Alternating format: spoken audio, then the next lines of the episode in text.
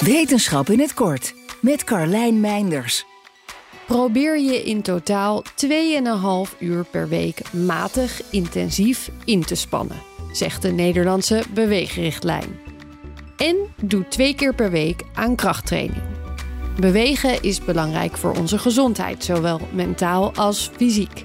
Dat heeft onderzoek al lang laten zien.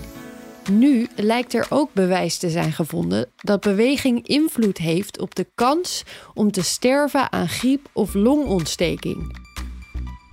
Voor dit onderzoek is data bekeken van bijna 580.000 volwassenen die in de VS tussen 1998 en 2018 hebben meegedaan aan het National Health Interview Survey. Deelnemers werden gedurende die periode van 20 jaar gevraagd bij te houden hoe vaak ze meer dan 10 minuten sporten in hun vrije tijd en hoe intensief ze dat deden. Hierbij werd zowel naar cardio als krachttraining gevraagd.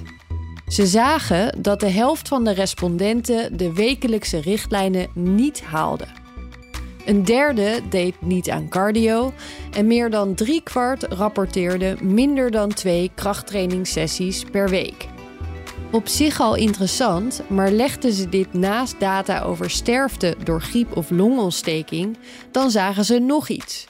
De mensen die zowel het cardio- als krachttrainingsadvies haalden, hadden bijna 50% minder kans om te overlijden aan griep of longontsteking.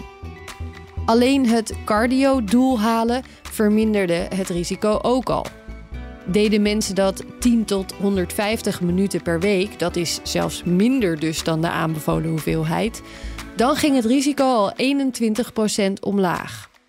En hoe meer minuten cardio, hoe verder dat risico zakte. Tenminste, tot aan de 600 minuten, dus 10 uur per week. Dan neemt het risico niet verder meer af. Wat krachttraining betreft zagen ze ook iets interessants. Bij zeven sessies of meer per week nam het risico op overlijden aan griep of longontsteking juist toe. Te veel is dus ook niet goed, lijkt het. Natuurlijk is dit een observatiestudie, wat de implicaties beperkt maakt.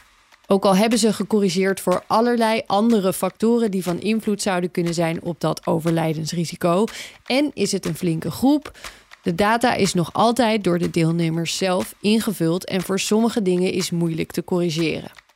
Toch zou ik zeggen, een tandje erbij voor de zekerheid kan voor de meeste mensen geen kwaad. Maar vergeet niet, te veel is ook weer niet goed. Wil je elke dag een wetenschapsnieuwtje? Abonneer je dan op Wetenschap vandaag. Spotify is partner van Wetenschap vandaag. Luister Wetenschap vandaag terug in al je favoriete podcast-apps. Een product market fit, proposities, valideren, scalen, blue oceans, bootstrapping, burn rates, groeistrategie, schalen en disruption. Zijn dit nou termen waar jij iets mee hebt? Dan zou ik zeker luisteren naar het groeiprogramma van de Nederlandse radio.